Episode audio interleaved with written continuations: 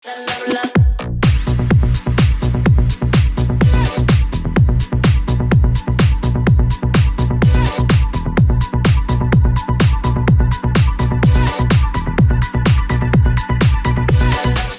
jadi hari ini acara Collaboration 3 bersama dengan gua dan Bang Nes.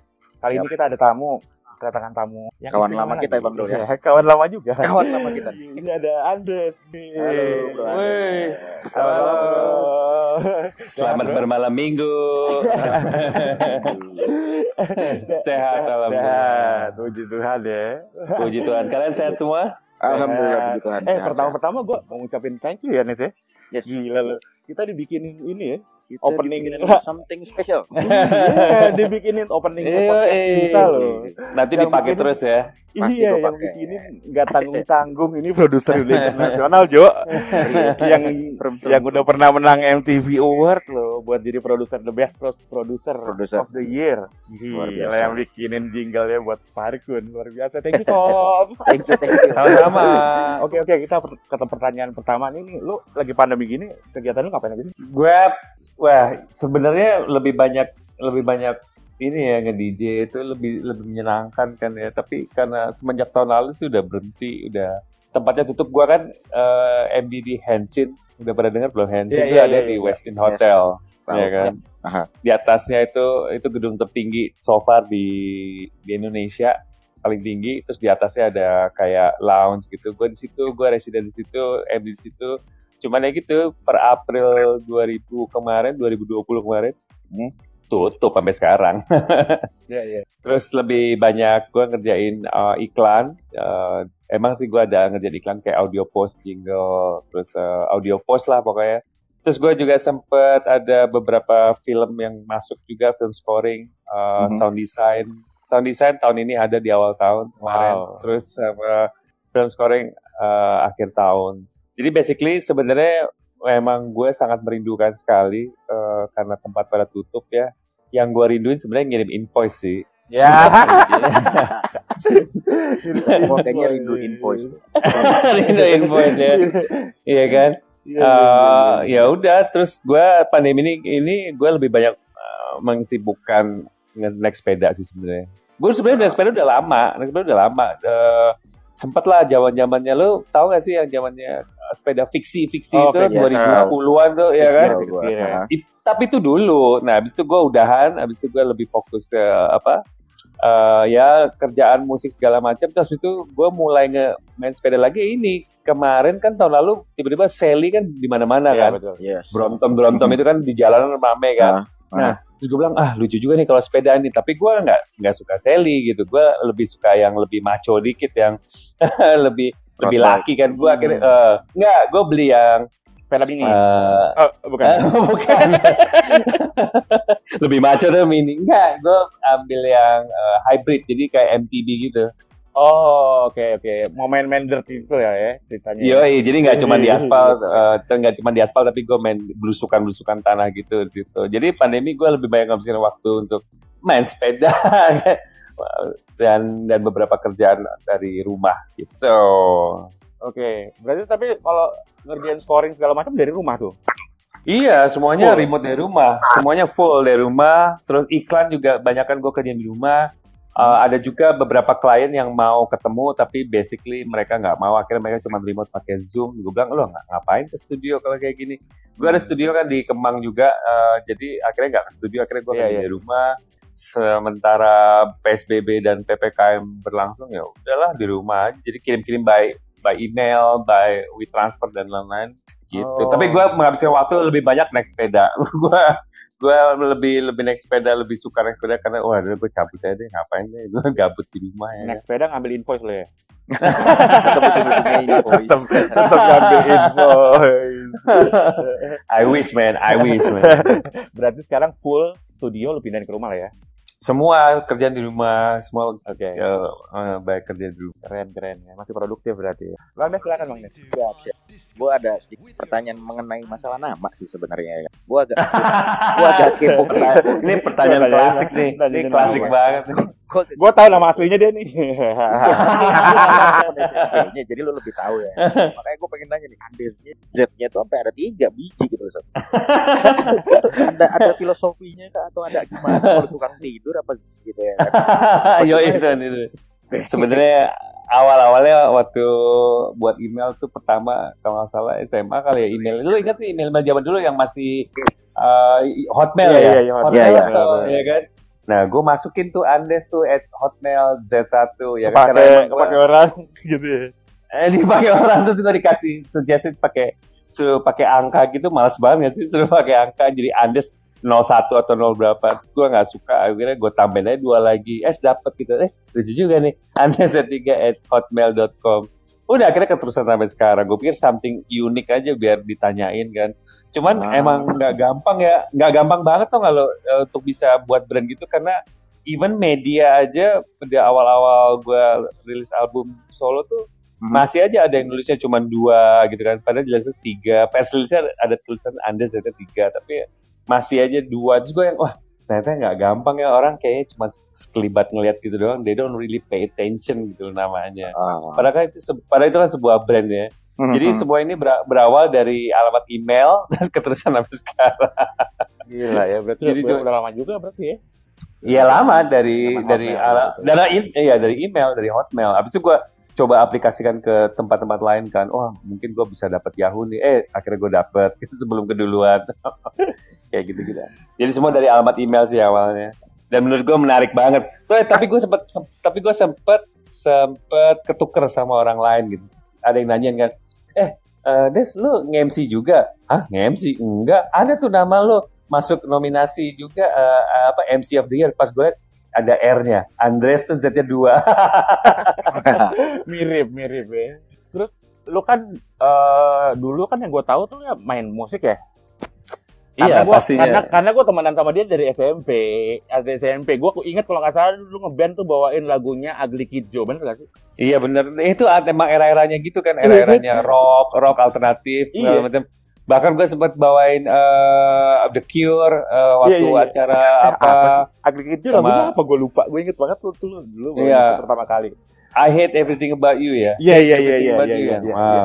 Gimana gimana proses transisi transisinya terus eh, lo lebih suka mana sih apa Jadi sebenarnya gue tuh emang emang main bass kan ya. Gue main bass, terus uh, main gitar dulu, terus pindah main bass. Habis itu gue tahu yang namanya dugem-dugeman. Terus gue pikir, wah menarik banget nih dugem-dugeman ini. Kayaknya klub ini Iya, iya, iya. sesuatu yang berbeda banget kan. Dan alasan gue tuh standar banget dong. Sumpah gue standar banget. Gue pengen pengen clubbing, tapi gue nggak Mhm. mau. Tapi gue nggak mau keluar duit buat entrance fee uh, atau admission kayak tiket gitu gue nggak mau. Terus Mhm. gitu, wah kayaknya nggak nggak asik banget kan terus gue bilang nih salah satu salah satu cara untuk bisa masuk ke klub dengan gratis kayaknya gue mesti nge DJ gitu jadi gue sesimpel itu doang kalau akhirnya gue akhirnya gue belajar DJ eh, pakai turntable awal-awal tuh barengan di The Majors tuh waktu itu Mhm. Eh, di- jadi gue kenal David dia punya sekolah musik apa sekolah DJ The Majors namanya di Gandaria. Terus gue suka nongkrong di situ kan terus gue tanya Fit gue boleh nggak eh, latihan-latihan turntable? Ah boleh dong silakan pakai aja dia bilang gitu kan. Ya udah. Terus satu demi satu gue coba mulai beli plat gitu kan terus gue kumpulin terus gue akhirnya mulai nge-DJ terus gue coba memberanikan untuk eh, apa main party private party dulu di antara teman-teman sampai akhirnya gue udah kayak gue udah siap nih gitu kan. Udah begitu siap gue mulai eh, nge-DJ udah abis itu wah ternyata oke juga nih gitu kan. Udah abis itu masuk ke klub gak pernah bayar. Sampai sekarang bayar emang. Sampai- sampai sekarang. Iya. Ya. bodoh banget ya maksudnya alasannya tolol banget ya sih. Cuma kayak gitu doang. Sekarang dia ngambil minum Ya, tapi- tapi- dengan, dengan tapi tata- main- kan ya. Nggak, tapi tapi emang emang emang eh, kalau ditanya ya ya itu awalnya kenapa. Terus gue sih emang awalnya bener kata si Ruli emang gue ngeband dari awal. Ya kita anak band lah maksudnya kita ngeband lebih suka gitu. Eh apa main alat musiknya. Tapi kalau nge DJ emang something different aja gitu. Kayaknya wah kok seru banget ya gitu kan. Eh, bisa narik penonton gitu kan Jadi hal dua hal yang berbeda tapi gue apa seru-seru aja sih seneng aja dan gue yakin Winky juga main gitar lagi kan beberapa Iya, bukan betul, lagi betul, tapi betul. emang dari dulu juga emang main gitar tapi kan kita kenal orang-orang umum yang nggak tahu Winky sebelumnya ya oh DJ DJ DJ gitu kan tapi dia ternyata Mhm. emang musisi juga anak band juga gitu loh Nah ini Iya kan, jadi agak- bukan agak bukan, menarik, jadi tuh. bukannya, ah, ah, jadi bukan karena dia nge-DJ abis itu dia belajar gitar, enggak, Ah, emang udah bisa main emang gitar duluan, anak band. Eh, iya anak band nge-DJ gitu, sama gue juga awalnya emang anak band terus ah coba nge-DJ ah gitu, lagi pula juga masih satu ini ya masih masih satu uh, field yaitu musik gitu Mhm. kan, cuman beda format gitu aja, dan banyak banget di luar juga kayak misalnya yang gue tahu kayak ada Z, inget nggak Z? Yes. Ya, ya, Zed ya, itu ya, kan ya. aslinya eh, dia pemain piano gitu. Dia bisa main piano beneran gitu kan. Terus eh, kayak even Calvin Harris juga ternyata emang dia anak band, musisi juga dan dia bisa eh, apa main gitar, nyanyi, buat lagu, terus habis itu baru nge-DJ gitu. Jadi banyak yang yang nge-DJ itu hanyalah dipakai sebagai format buat eh, manggung gitu loh. Kayak kayak versi simpelnya, versi yang paling uh, ridersnya paling gak ribet dan gampang ya udah nge-DJ aja gitu. Dan gue yakin di luar sana juga banyak yang base-nya uh, musisi. Oh nggak usah jauh-jauh deh teman kita deh Dipa Barus deh. Itu juga Iya, anak band iya, tuh iya. anak main iya dia main bass juga gitu loh. Nge-DJ juga baru belakangan-belakangan gitu. Belakangan maksudnya bukan berapa tahun ini tapi awalnya adalah memang musisi terus dia nge-DJ juga. Dan lu Gitu. punya educational background emang bukannya di musik ya dulu waktu di Boston? Iya, iya, gue memang sekolah, gue sempat sekolah. Eh, ketika lu pada sekolah yang bener, gue kan jadi bingung nih, kok yang lain pada sekolah bener ya, pada kuliah. Si Ruli sekolah kuliah beneran gitu, terus gue Iya, yang, bener. gue pengen, gue pengen apa, kepengen ngeband kan, terus gue, wah kayaknya nggak bener nih. Habis gue malu setiap kali main ke rumah siapa gitu, tanya, oh anda kuliah di mana? Oh belum tante, malu banget sih. Even mau, even waktu SMA aja ditanya kan, oh nanti kuliahnya di mana? Gitu. Oh, pengen ngeband aja tante. Males banget sih jawabnya. Jadi akhirnya mungkin dari situ eh, emang gue kepengen banget sekolah yang proper. Terus nyokap gue nawarin kan mau nggak di KJ gitu. Gue bilang wah KJ nggak mau ah gitu kan. Gue bilang nggak, gue nggak mau sekolah di KJ karena waktu itu gue suka nongkrong sama Rake, Rake eh, Likumahua. Jadi Rake itu anaknya almarhum eh, Om Beni Likumahua Oh. Mhm. which is which is teman komplek gua. Nah, Rake ini adalah kakaknya Berry Likumahua gitu loh kan. Oh, itu. Jadi gua waktu itu sering main ke sering main, main gitar-gitaran di rumahnya Raka. Berry tuh masih kecil, masih main mobil-mobilan, masih main uh, bonek robot-robotan gitu kan. Nah, gua main terus waktu di ruang tamunya itu karena gue sering nongkrong dan sering gitar-gitaran terus kita eventually uh, buat band buat di kafe-kafe gitu terus gue ngeliat ada katalog di di ruang tamu gitu kayak ada buku kecil ini katalog apa nih? Pas gue lihat oh ternyata katalog sekolah Berkeley gitu kan di Boston wah ini keren banget. Terus si Raka bilang iya ini sekolah musik salah satu yang bergengsi di dunia gitu kan. Ada Harvard eh sorry ada ada Juilliard terus ada ada uh, tempat kursus juga MI Music Institute di LA dan salah satunya nih ada ini juga ada Berkeley di Boston kan. Wah gue bilang sejak itu makanya gue kepengen banget wah ini keren banget sekolah nih. Nah udah akhirnya gue uh, apa memfokuskan diri gue untuk bisa sekolah di sana jadi jawabannya iya gue pernah sekolah di musik di Boston sama di Kuala Lumpur sebelumnya juga pernah di ICOM di International College of Music keren keren keren keren. Bang Des, silakan Bang Des. Oke, siap. Nah, ini kita agak menjurus ke DJ-DJan ini. Tadi kan kita udah bahas sedikit masalah mengenai ya produsernya ya kan.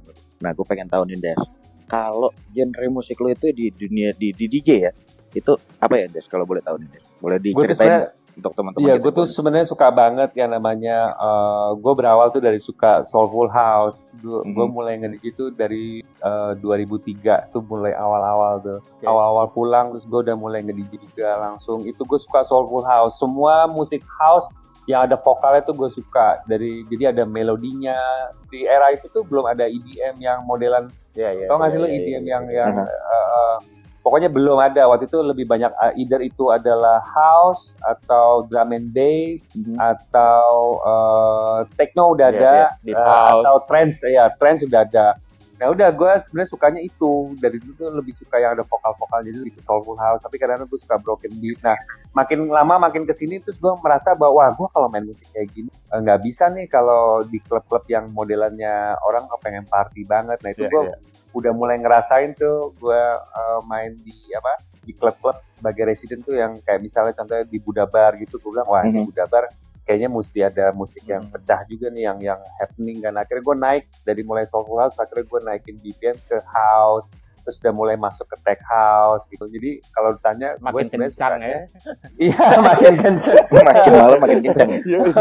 makin makin kencang ya itu karena tuntutan ini ya tuntutan pekerjaan jadi Aha. eh, jadi gue menyesuaikan dari tempatnya juga klubnya juga tapi kalau gue pribadi sih gue masih lebih suka deep house eh, Iya, iya, eh, iya. apa eh, soulful house tuh yang gue suka pribadi makanya gue senang banget kalau misalnya gue ada beberapa event atau ada gue di hire untuk eh, nge-DJ gue diperbolehkan untuk main-main musik kayak gitu gue senang banget jadi gue ah ini Hmm. lagu-lagu gue banget nih gitu cuman ya gitu yang paling paling challenge adalah gimana caranya lu bisa perform nge-DJ di depan apa di depan orang-orang banyak klub ya itu ekspektasinya udah beda nih kayaknya Hmm. kita nggak bisa main apa yang menjadi diri kita sendiri gitu itu hal-hal yang agak sulit Iya. sih menurut gue Heeh, tapi kalau gue pribadi ya itu gue lebih suka deep house, uh, Deep house, house, soulful house, house, iya, house, ya. tech house, Nah, grup-grupnya house lah pokoknya. Tapi jangan kekencengan juga, agak techno aja gue rada nggak nyambung sebenarnya. Makanya kalau kalau kita perhatiin tuh Andes tuh giliran ada yang nge-hire gitu, launching apa, launching apa, itu acara yang mahal semua cuy. Iya, Betul, betul, musik betul, betul, musiknya betul, musik betul. mahal ya, musiknya soulful. tapi sebenarnya ya kan. ya, tapi nyambung kan? Nyambung nggak? Nyambung Iya, kan? iya, iya, bener, yang penting bener. cocok gitu loh. Betul. tapi itu itu jadi ngebawa lu untuk ke produce lagu-lagu lain itu jadi ada wah lu terpengaruh sama si genre itu gak sih Pasti, pasti, udah udah udah pasti itu terpengaruh itu udah pasti. Karena mereka yang sering kita dengerin kan, jadi selalu uh, ya walaupun gue berusaha untuk mengindonesiakan karya gue gitu, nggak bisa nggak bisa jiplak-jiplak banget lah, nggak bisa plagiat banget. Jadi ya udah gue akan mencoba terus supaya karya-karya gue bisa diterima. Jadi harus kompromi juga sih sebenarnya. misalkan lu bikin jingle atau apa wah kok jadi ke house atau soulful soulfulan nih Oh nggak bisa. Kalau ji- kalau jingle beda lagi. Kalau- ingat, oh, ji- mempengaruhi nggak bisa, gitu. iya. ya. Kalau jingle kan eh, udah ada udah ada ininya, udah ada kliennya, kliennya Nah. mintanya kayak gini kayak gini. Jingle sih sama sekali nggak ada hubungannya sama DJ DJ. Ada itu invoice soalnya sob, ada invoice. Oh, Iya, Balik lagi ke invoice. Balik lagi. tuh beda ya beda beda. Eh. Kalau kalau jingle jinglean sih itu udah pasti pure kerjaan aja sih. Dia mau musik apa kita buatin. Pokoknya udah keluar invoice tuh udah kayak idealis. ya betul. Nggak bisa, udah nggak bisa. ya idealis lah. Eh, lu kan dulu kan lu kan dulu main main di mana? Hal terus Monaco paparazzi Budabar dulu kan Iya. berarti ngalamin dari zaman yang DJ pakai pakai turntable sampai ke mulai ke digital. Transisi istilahnya lu adalah eh, generasi yang ngerasain transisi dari eh, apa namanya? Analog ke digital gitu. Enakan mana sih mainnya Kalau misalnya kalau misalnya kenyamanan, gue lebih pilih digital. Ya. Nyaman banget, lu nggak perlu repot-repot bawa-bawa Bawa tas tasnya banyak ya Iya, banyak. betul, betul, tas betul, yang betul. banyak ya. Gue yakin lu kalau misalnya ngobrol sama yang lebih senior, katakanlah sama Riri ya, Mhm. atau eh, sama Anton itu mereka era-era yang zamannya atau Romi itu yang senior Iya, lah iya, gitu ya kan. Mereka pasti bawa tas bisa sampai tiga empat tas gede-gede isinya plat semua. Dan Semua ya. gue sempat ya. gue sempat ngalamin sih. Gue sempat ngalamin waktu di Mana House tuh. Ya memang Ya, ya. eh, klub Monaco tuh gue sempat pakai turntable. Gue sangat bersyukur banget sih. Itu awal-awal eh, menyenangkan tapi nggak convenient dong lo? Nggak nyaman gitu loh.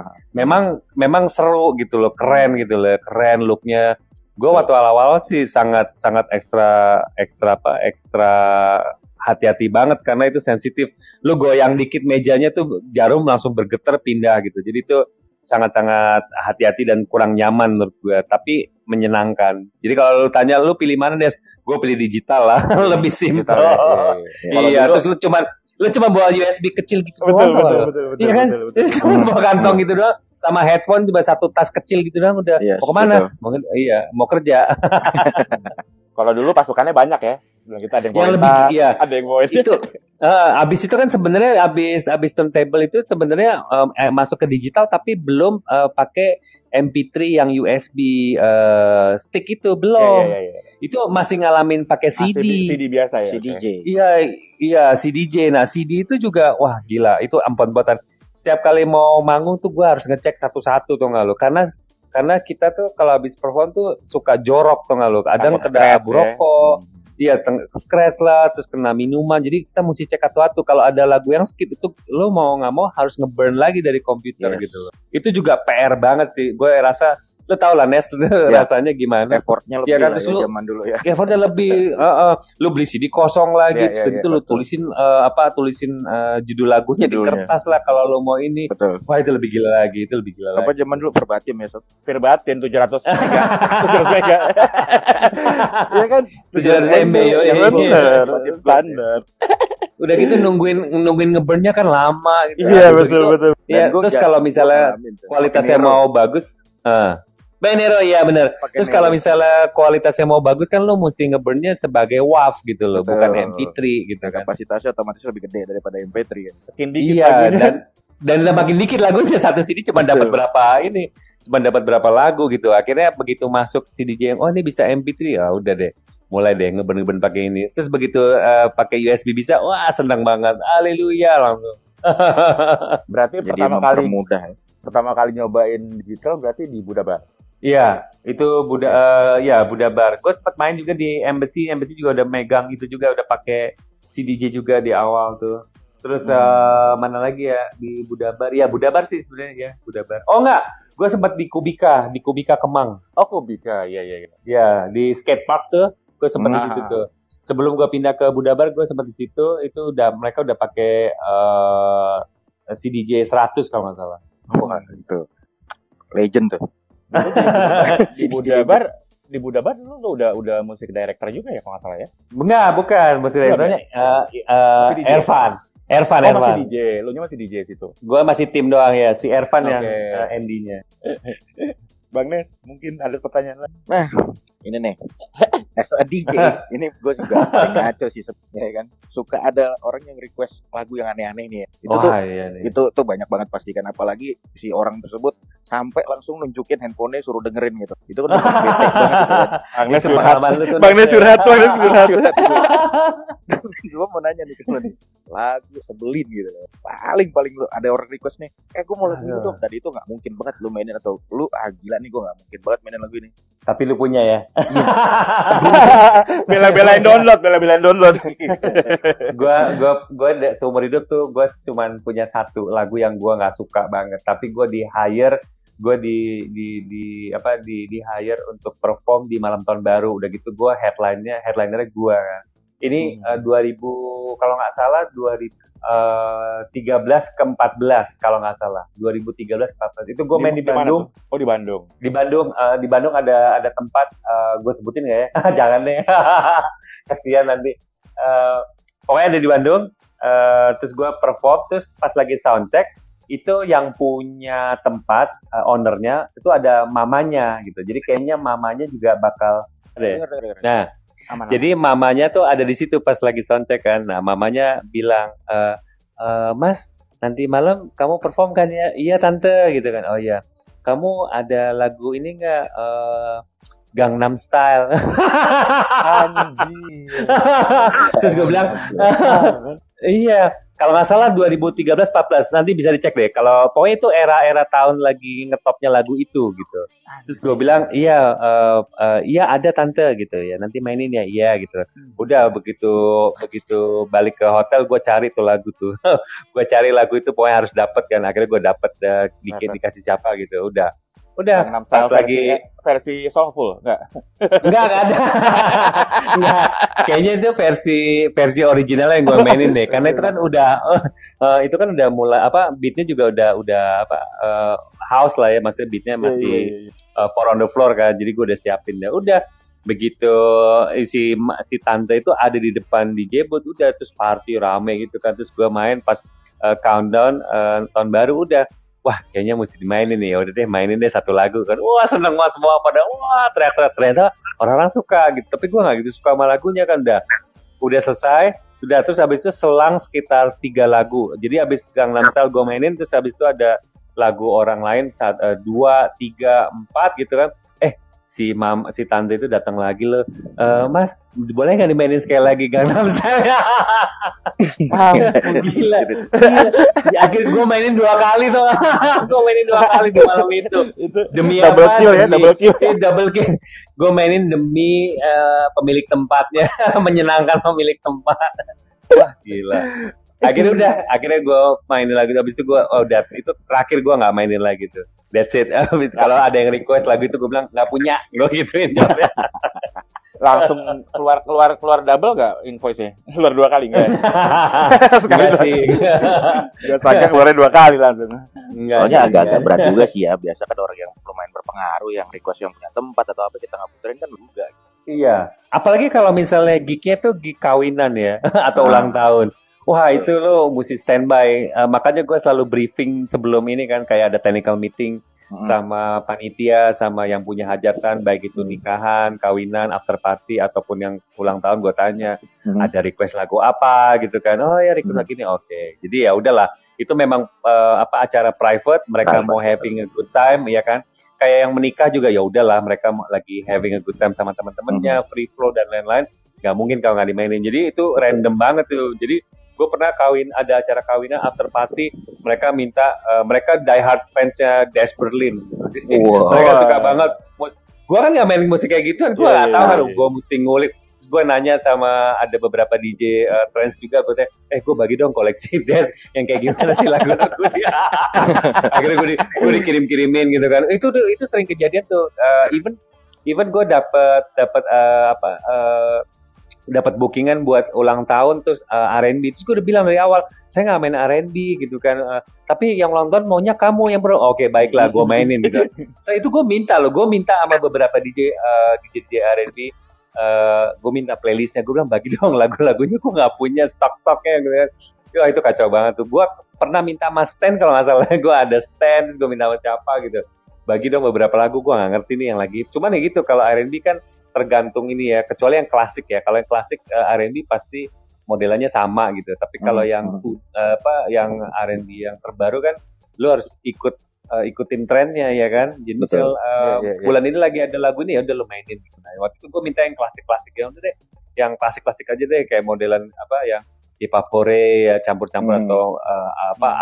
Lah atau siapa lah satu kurang lebih kayak gitulah gue tapi gitulah profesi DJ yang menyenangkan lagu-lagu Iya, ada iya, yang lu sebel ada yang lu ini demi invoice Iya iya iya. iya. Zaman dulu tuh ya, itu waktu zaman zamannya lu belum belum banyak apa bikin bikin lagu ya. no actually lagu mah jalan terus bro Oh, lagu jalan jalan terus. terus Heeh. Oh. Lagu jalan terus gue, menurut gue lagu penting banget. Jadi eh, karya sih penting banget itu. Kayaknya memang wajib ya harus keluar terus ya. Secara secara gue kan berangkat juga dari sofa juga sama Larry Iya, iya, kita iya, buat iya. karya ya kan. Jadi menurut gue karya itu penting banget. Jadi lo harus Iya, iya. rajin-rajin lah. Itu salah satu tools eh, tools gue masuk ke DJ scene itu. Gue tuh dulu deket banget sama eh, Ade Habibi kan, Electronic Groove sama Random juga kan waktu awal-awal DJ juga gue banyak latihan di rumah dia juga, terus gue banyak pinjem plat dia juga waktu perform kan. Terus dia juga bilang bahwa lo untuk masuk ke scene para DJ DJ ini eh, paling bagus eh, adalah pakai karya dia bilang gitu. Oh iya iya, memang gue masuk mau pakai karya aja deh. Udah akhirnya gue rilis album ya kan, itu gue masuk ke dalam. Udah habis itu ke DJ. Itu salah satu yang paling mudah sih menurut gue untuk bisa masuk gitu loh. Ketimbang lo mesti eh, nge-DJ dari bawah terus lo eh, masuk ke dalam komunitasnya sampai lo bisa di hire itu juga cukup effort yang lama dan susah Iya, iya. gitu tapi dua-duanya juga sama-sama susah gitu yang satu lo buat karya juga nggak segampang itu buat lagu ya kan terus kalau misalnya lo nong, dari mulai tongkrongan juga nggak semudah itu kadang-kadang lo mesti ber, apa nongkrong di komunitas yang bener atau yang cocok sama lo untuk bisa masuk gitu dulu tuh kayak gitu kan jadi ada ada komunitas A B C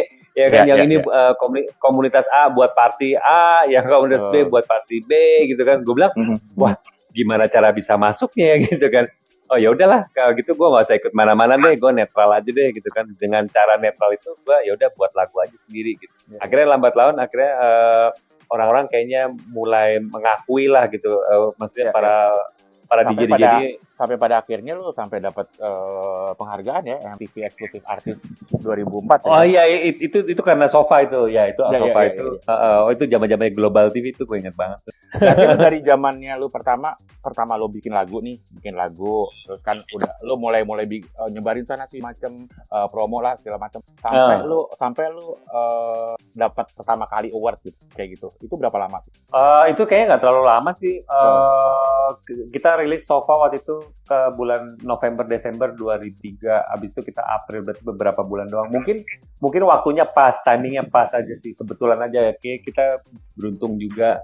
Eh, waktu itu apa teman-temannya kita yang main elektronik nggak terlalu banyak. Iya, itu iya, yang di, e- di era itu tuh cuman eh, gua, sofa, eh, ada homogenic, terus ada electronic groove si Ade Habibi dan si Random, terus yang eh, Rock and Roll Mafia juga ada dari Bandung. Terus sama sebelumnya ada lagi eh siapa sih Indra 7 tuh? Eh, Media Distorsi. Indra Seven. Berarti, Iya, Indra 7 tuh dengan Media Distorsi waktu itu namanya. berarti lu lebih strug- struggle-nya pas lagi nge-DJ justru ya, bukan pas produk ya. Mainin ganda Iya. kan segala kan. pas udah produk lagu, Gila sih itu. lu rilis udah langsung dapat penghargaan ini itu ini tuh ya lu ya. Ya, adalah Oleh. beberapa, iya. Gokil sih. Ya Bang Nen, silakan. Oke. Ada banyak nih. Ada banyak sih sebenarnya yang mau gue tanyain gitu. Cuma siapa jawabnya nggak nih kira-kira ya banyak banget. Bisa jawabnya. Nah, Minum ini kan dulu lu sob. Iya. lu udah ke mana, lu udah ke mana-mana nih sob ya udah main di sana sini Ah. sana sini lah wah you name it lah lu pasti udah main di mana nah gue mau nanya nih sound system yang menurut lu paling wah gokil nih tempat menurut lu pecah banget nih di kuping gua atau settingannya atau apa di Indo yang pernah lu mainin dan lu cobain itu ya itu di mana gitu ya? apa apa sebut aja yang- namanya Ya, yang yang yang pertama yang yang menurut gua gokil sih pertama Embassy sih itu awal-awal tuh. Hmm, Ria ya. Embassy keren banget. Ya, tapi abis itu begitu ada X2 gue bilang oh X2 juga keren banget. Eh, X2 ya X2 itu X2 keren banget sih waktu itu bagus. Eh, menurut gua itu salah satu sound. Terus ada lagi gue pernah main eh, Dragonfly juga sempet itu juga enak juga. Cuman eh, basically kalau sound system kan terga makanya nih gue juga rada bingung juga eh, lebih maksudnya sound system yang lebih kita sebagai penonton atau sound system kita pas lagi nge-DJ kalau pas lagi nge-DJ sih kita kan cuma dengernya monitor doang Monitor ya, Nes, ya, iya ya kan? betul Uh, kalau monitor sih hampir semuanya keren-keren gitu pada Mhm. umumnya.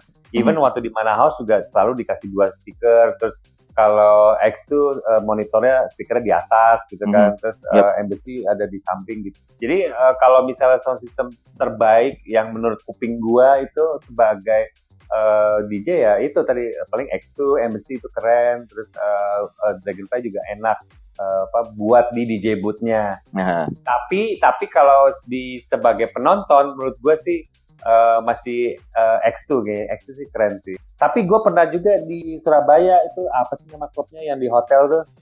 Eh apa Nes? Yang di Apa, Nes? Surabaya tuh? Nes yang tahu kalau hotel-hotel.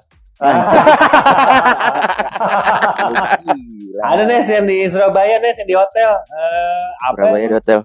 Tri- 360 ya apa sih? Tahun berapa nih? Itu dia masalahnya yang gue tanya. Kita kan tua lama main iya sialan kalau kalau kalau lu main yang paling pecah di mana? Yang lu, lu anggap paling pecah nih crowd-nya di mana? paling pecah eh wah di mana oh gue pernah main di park di Kemang tuh nah, Oh iya di iya. Park iya, 19 ya Iya iya. Park Yap, 19 Park 19 Iya, itu tempatnya kecil, eh, seru, tapi di Mana House juga pernah pecah juga. Oh, Mana House sih seru banget sih waktu itu. Itu era-era 2000, 2005 kalau saya, apa 2004 ya, gue lupa ya. Oh ya, Hmm. 2004 kayaknya. Ya itu pecah juga tuh seru, karena orang-orang pada datang dan nggak terlalu banyak request. Mereka datang cuma having fun, seru. Mhm. Hampir banyak sih yang pecah-pecah juga. Gue even gue sama sama Winky juga pernah share satu panggung di Batam, itu rap party juga pecah juga, rame yang pecah tuh maksudnya penonton pada joget gitu ya, Yes, joget, iya, iya, seneng, iya. sing along, terus eh, nggak ada kerusuhan semua. Ini banyak Mhm. sih sebenarnya tempat-tempat yang menyenangkan. Gua nggak tahu deh, maksudnya teman-teman yang lain kalau ditanya ada yang pecah ya, Hmm. semua juga pecah. Zaman Dan, lo di oh, cloud, zaman lo di cloud juga pecah puluh ya. Iya di cloud juga oke juga kalau ada juga tuh spesial, spesial Iya, iya. event ya kan. Ya, Seru. Eh, iya, ba- basically hampir banyak tempat-tempat yang menyenangkan sih, yang seru-seru juga. Even gue pernah sempat juga eh, perform di Ambon. gue pernah main di Ambon ya, terus mainnya di Gor. Eh, gue jadi openingnya buat eh, duo duo Maya itu Ratu gitu. itu menyenangkan banget. eh, itu juga yang yang joget juga orang-orang hitam semua. Gue bilang, wah keren banget nih, udah kayak di luar aja ini orang hitam semua, black people semua. Jadi lu berasa kayak black coffee gitu ya kan? Iya, black coffee, yoi. Sayangnya bukan ah, ini ya apa ah, Afro House ya. Iya. Banyak kok teman-teman yang seru kok, teman-teman seru yang pecah banyak kok. Gue nggak bisa nyebutin satu. iya sih, terlalu banyak sih ya. Punya eh, banyak kenangan-kenangan yang ini gitu. Yes. Terus ya, apa eh, show-show yang sucks juga pernah, yang sepi, yang Hmm. yang apa nggak nggak ada yang datang juga pernah karena nggak ada promosi atau apa. Terus ada yang datangnya telat gitu kan. Atau gue Hmm. pernah pernah juga jadi open apa opening act-nya siapa gitu. Giliran gue main terus orang pada apa pada diem-diem aja minum itu begitu uh, headlinernya mulai masuk, gua baru mulai maju ke depan gitu. Ya banyak gitu-gitu juga. Terus gue pernah juga main mati lampu ada beberapa kali. Iya kan. Terus gue main eh, di di gerbek di ada razia pernah. Nah, kejadian-kejadian yang paling yang paling tolol yang pernah lu lakuin pas DJ, Ban. Ada nggak? Oh, ada ada banget. Itu ada satu menurut lu nih thing banget tuh yang gue lakuin. Iya, stupid, iya. Ini ini gue belak belakannya deh gue ngomong nih ya. gue pernah di yang paling goblok banget sih sebenarnya di mana house gue inget banget tuh. Eh, waktu itu gue masih pakai turntable, eh, turntable ya. Terus eh, waktu itu gue nggak tahu kenapa lagi ada yang bawa eh, Mama Yuana. Oh wow. Eh, terus gue sekali sekalinya sekali sekalinya sebelum main terus gue ya itulah eh, apa ngerokok dulu ya kan? Ngerokok Hmm. itu dulu udah begitu perform lagi seterusnya oh gue merasa dapet nih wih gila dapet banget nih gue feelnya lagu demi lagu gue bisa mainin dengan baik. Terus eh, orang pada joget suka pilihan lagunya pas pas lagi seru-serunya tiba-tiba gue nyampe di satu titik yang lagi wah ini bleh banget nih gue nih gue lagi bleh banget tiba-tiba blank. volume Iya lagi blank, volume yang lagi on, yang lagi nyala, musik yang musik yang lagi itu gua turunin loh, gua tutup. gua, gua tutup terus gua terus kan sepi kan, sepi gitu. Satu satu detik sepi terus gua juga bingung. Terus gua ketawa-tawa. Kok mati? Kok kok mati musiknya nggak ada. Semenjak itu, abis itu gue baru sadar, oke, satu dua detik gue oh gue salah, gue buka lagi, iya joget lagi. Gue semenjak itu yang, that's it man, gue nggak mau Mama Yohana lagi deh, gue yang that's it, gue kapok, gue nggak mau lagi. Untung nggak Akhirnya melayang tuh ya. Iya, Apa akhirnya akhirnya eh, akhirnya gue stick sama ini aja eh, apa eh, minuman aja Alkohol. that's it. itu kalau itu kalau ditanya zaman sekarang gampang lo jawabnya gimmick. gitu. Iya, gimmick. gimmick. Ya kalau ya kalau misalnya beatnya on time Nes, kalau beatnya ya? nggak on time enggak gitu loh. Ini aneh banget tiba-tiba dimatiin ya gitu, waduh kacau itu. Lu Itu sebenarnya bukan gitu ya kejadian- kan? Itu sebenarnya bukan kejadian pertama, itu kejadian kedua sebenarnya. Yang kedua tuh gue pakai CDJ pernah, cuma gue lupa tempatnya di mana. Itu sama tuh gue eh, Mama Yuna juga, tapi itu lagu bukan gua stop, gua keluarin CD-nya lo. Lagi nyala, musiknya musiknya lagi nyala, Oh, lu musiknya mah lagi ngaco. nyala, lu. musiknya lagi nyala, lagi perform terus CD-nya gua keluarin tuh. Wah gila. Oh berarti itu CD zaman dulu tuh belum ada locknya tuh. Iya. Gak ada lock ya. Kalau CD baru ada locknya tuh. Iya, itu masih MK berapa tuh? Dua kali ya. CDJ CDJ 800 kayaknya CD 800 tuh. Nggak ada locknya tuh. Nggak ada, nggak ada lock. Wah tuh tolol banget itu tuh asli tolol banget tuh. Banyak lah hal-hal tolol lah yang yang yang yang ini. Tapi itu the, the most the most tolol yang pernah gue kerjakan dan nggak profesional banget. Untung kayaknya orang-orang nggak ada yang notice kali.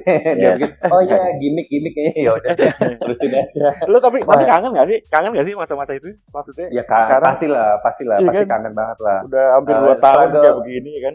Struggle-strugglenya perform terus eh, apa eh, tapi gue nggak tahu ya gue masih sekarang tuh susah banget gitu menurut gue untuk bisa bisa main di klub yang seperti itu. Mhm. Eh, karena tuntutan pendengarnya juga maunya nggak cuman anthem tapi udah mulai radio hits juga. Jadi lagu-lagu Iya. yang sebenarnya bukan formatnya dance floor tuh di, di- dimainin juga. Kayak gue agak kaget waktu lagi apa ya waktu itu siapa ya adalah DJ gue nggak bisa sebut namanya. Mereka Mhm. perform tapi ternyata memang bagian dari konsep itu. Tiba-tiba ada lagu potret di, di tengahnya gitu. Bisa ya kan gue bilang loh kok ada lagu ada lagu rock terus ada lagu popnya? Terus gue bilang kok bagian kayak gini ya? Jadi ternyata mess up banget gitu loh. Gue pikir tuh gue pikir tuh R&B itu udah udah cukup mess up ya. Tapi ternyata leb- yang lebih mess up dari itu ada lagi gitu loh. Cam- campur aduk tiba-tiba bisa masuk uh, uh, house, bisa masuk uh, apa uh, EDM, drum and bass, apa terus lagu Indonesia, lagu pop, Mhm. tiba-tiba bisa masuk reggae. Gue wah gila nih terlalu terlalu mess up banget nih gitu kan. Dan itu gue saksikan sendiri ada di beberapa festival uh, festival gede lah, festival DJ yang di Kemayoran tuh Mhm, mhm. uh, buatannya Ismaya lah. Nah itu salah Iya. satunya itu ya kan. Uh, oh uh, Jakarta Warehouse ya DWP. DWP, Nah, DWP, DWP iya. itu uh, DWP itu gue pernah lihat tuh yang wah gila ada DJ yang mainnya segini mess up-nya banget ya. Maksudnya, Mhm. Jadi satu lagu nggak bener-bener yang cuma ditahan sampai chorus doang. Jadi uh, first chorus selesai ganti lagu. First chorus ganti lagu. Gue bilang wah gila gue nggak bisa nih kayak gini. Kayaknya gue Kita- tahu tuh siapa. Jadi kalau kalau kalau dulu mah bener-bener yang satu lagu dihabisin kan ya, ya Iya. apa uh, intro house ketemu music intro, outro. ya intro ketemu ya intro ketemu outro segala macam udah kayak gitulah. Jadi eh, model-model yang sekarang kayak gue perhatiin juga ada di beberapa tempat di Jakarta eh, nggak bisa itu itu tuh menurut gue gue nggak bisa seperti itu. Jadi gue tetap yang wah kayaknya gue kalau itu tanya tadi kan Ruli lu nanya lu kangen nggak bilang iya kangen gitu. Gue kangen di masa-masa yang gue bisa perform seperti itu gitu Iya, iya, kan. iya. Tapi kalau kalau yang sekarang klub-klub kayak nggak bisa nih. Eh, Iya. Mereka lebih mentingin self revenue kan, self revenue Betul. gitu, maunya maunya mess up gitu. Jadi kalau misalnya ada nih eh, ada sebuah klub baru atau tempat baru buka gitu, terus gue misalnya ditanya, oh eh, Andes main di sini, oh nggak bisa, Andes mah haus banget. Udah ketahuan tuh, oh dia nggak bisa main mess up tuh.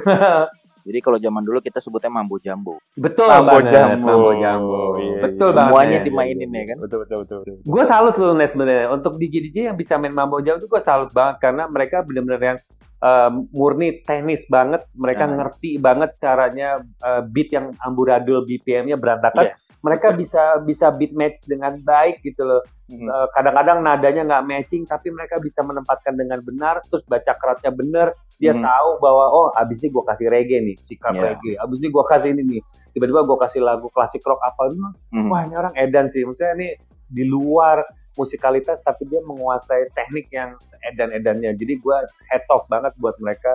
Canggih sih menurut gue ya ini yang sekarang mungkin namanya udah mess up ya. Dulu mambo mess up, tapi iya, iya itu jago-jago banget sih. Gue gua nggak bisa kayak gitu. Gue nggak nggak ini. Kayaknya kapasitas gue nggak nyampe situ Canggih-canggih sih anak-anak sekarang kalau gue lihat sih. Iya, canggih-canggih banget itu. Dan ya, tapi tapi mudah-mudahan mudah-mudahan adalah kita punya satu klub, kita menambahkan ada satu buah klub di Mhm. Jakarta yang mendedikasikan untuk yang ya udahlah ini khusus buat techno, gini khusus Ya. buat house atau enggak kalau mau soulful house lu cari di sini gitu. Tapi Mhm. jangan semuanya dikasih mess up dan mambo jambo semua gitu. Jadi orang kan jadi Betul. nggak ini juga ya, nggak betul punya betul. betul.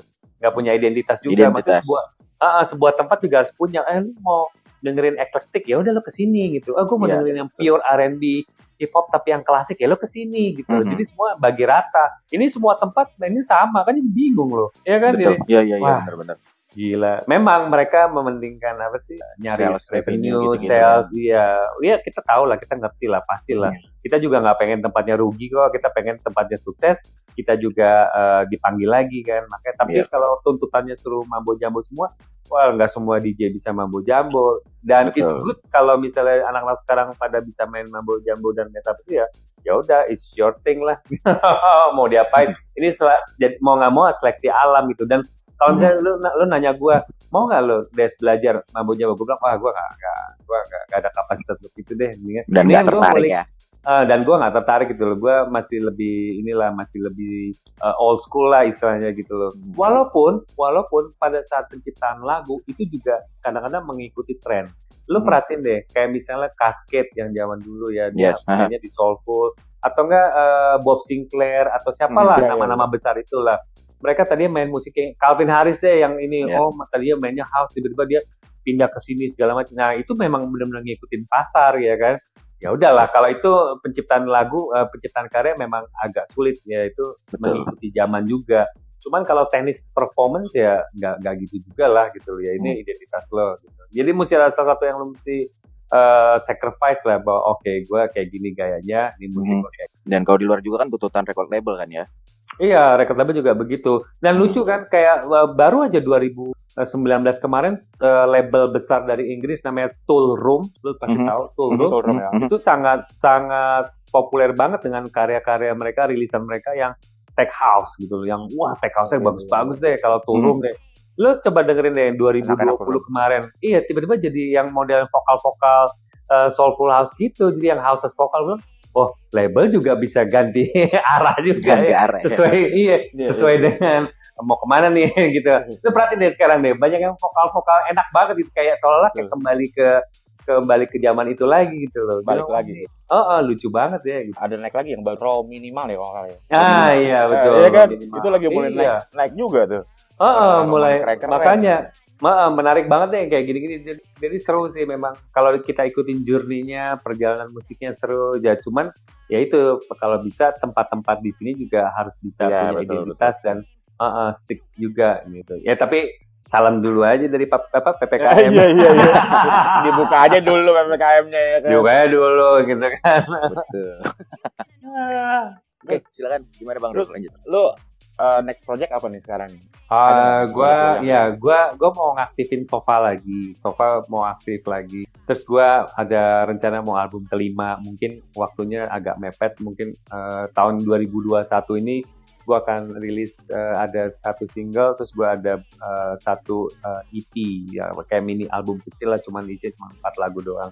Terus Sofa juga mau rilis lagi. Jadi eh, lebih banyak di sini. Jujur gua kemarin selama pandemi gua rada-rada bingung kan mau ngapain karena uh, bingung bukan karena biasa gue kantor kerja gitu enggak memang enggak tiap hari ke kantor kayak gitu juga tapi gue uh, de- de- apa melihat kenyataan bahwa lo nggak bisa perform tuh kan rada gila ya maksudnya lo nggak bisa kerja itu Iya, edan iya. banget kan nah jadi gue lebih banyak menghabiskan waktu kontemplasi terus gue lebih banyak main sepeda hanya untuk olahraga gue ya pelarian aja pelarian pagi gue bangun tidur, eh, tidur gue jadi teratur gitu kan kalau dulu tuh ya lu tau lah lu, eh, Hmm, iya, iya, apa, iya. tidur pasti nggak mungkin jam 8 jam 9 tuh nggak mungkin kan pasti Mhm. lu harus lu, lu harus kerja perform di mana apalagi luar kota gitu lu suka Yes. begadang luar kota tuh juga jamnya juga agak unik juga. Ada yang mainnya jam 12 tapi ada juga yang baru bisa main jam 2 macam-macam lah gitu kan.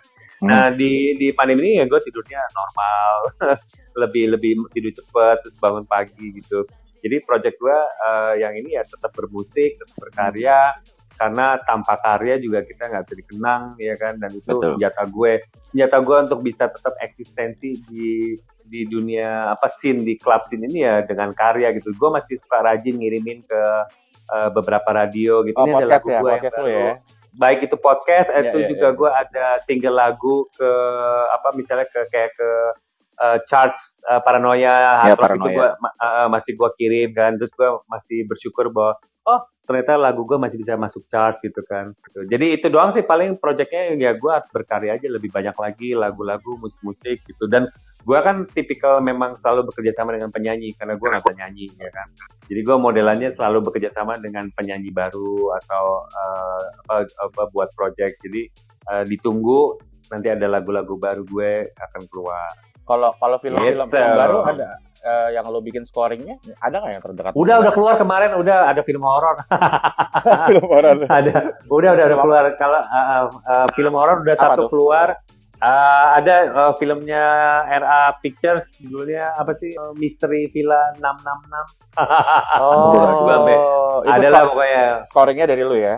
iya itu gue yang buat scoringnya terus uh, Hmm, apa terus gue ada ada project sound design uh, apa film action drama action ada uh, sound design tapi bukan film scoringnya Oh tapi lagi Gua sama tim gua. produksi ya? Belum belum. Enggak udah selesai udah udah Oh, udah udah, selesai kok udah selesai udah lebaran kemarin udah selesai kayaknya tinggal tayang kok itu gua kerja tapi satu tim sama Tom Tam Music di Kemang Hmm, ya gue tahu. Oke. Keren, keren, Gue keren. ada satu pertanyaan sih dari gue pribadi. emang Iya. emang Ah, boleh dong Jadi gue mau nanya nih, Ah. tadi kan kita ngebahas lu nge-DJ, lu nge-produce, scoring musik untuk uh, film, bla bla bla dan lain-lain itu banyak banget dah kebiasaan musik. Yang paling eh ini gue banget nih, itu yang mana sih sob? Gue pengen tahu deh. Main Eh, sepeda. Dari dari semua. Ya, ada kegiatan dia itu main sepeda gitu. Ah, kayaknya gue lebih suka perform deh lebih suka per- perform Offline tuh ya? menyenangkan banget Ah, Iya, iya, iya. eh, ah, pastinya perform di depan orang Aha. di panggung apakah Berarti itu di klub DJ-nya ya. Eh, enggak juga sih. Gue kemarin terakhir tuh sebelum pandemi gue masih sempat main di Java Jazz loh. 2020 kemarin tuh. Itu gue main di a- di akhir Februari. Java Jazz kan eh, kemarin sempat maju kan. Hmm, Itu benar-benar Java Jazz adalah festival terakhir di Indonesia khususnya sebelum itu kita di uh, lockdown PSBB dan lain-lainnya. Ya, karena waktu itu udah warning banget bahwa oke okay, corona masuk dan kita harus harus stay di rumah. Nah hmm. itu perform terakhir itu di situ uh, oh, ngeband waktu itu. What, uh, Java Jazz pokoknya gue main di luar di outdoor itu gue main di luar gue bareng sama ada rekan-rekan musisi tim gue di Departure People. Yang Jadi kalau tanya itu ya tepuk tangan terus baru ada emang ya Iya, open, openingnya tepuk tangan gitu, tak, tak, oh iya iya iya, ya, udah kan? Iya iya iya. Oh, ya itu gimmick gimmick itu, itu gimmick. Iya iya. Jadi gua ada lagu jadi Let Me Glow, uh, itu memang depannya ada apa ada tepuk clap, tangannya itu kayak iya clapnya itu ada patternnya gitu seperti tepuk pramuka gitu modelannya. Hmm. Keren tapi itu perform ya. Iya itu itu menurut gua uh, perform tuh menurut gua paling seneng ya maksudnya menyenangkan banget bisa ketemu interaktif dengan orang-orang ada yang singlong. Nah itu gue seneng banget. Uh, juga seneng. Cuman kalau live music kayak gue lebih suka. Soalnya bedanya gini gue kalau nge DJ itu pasti bawain lagu orang. Gue jarang banget bawain lagu sendiri. Kenapa?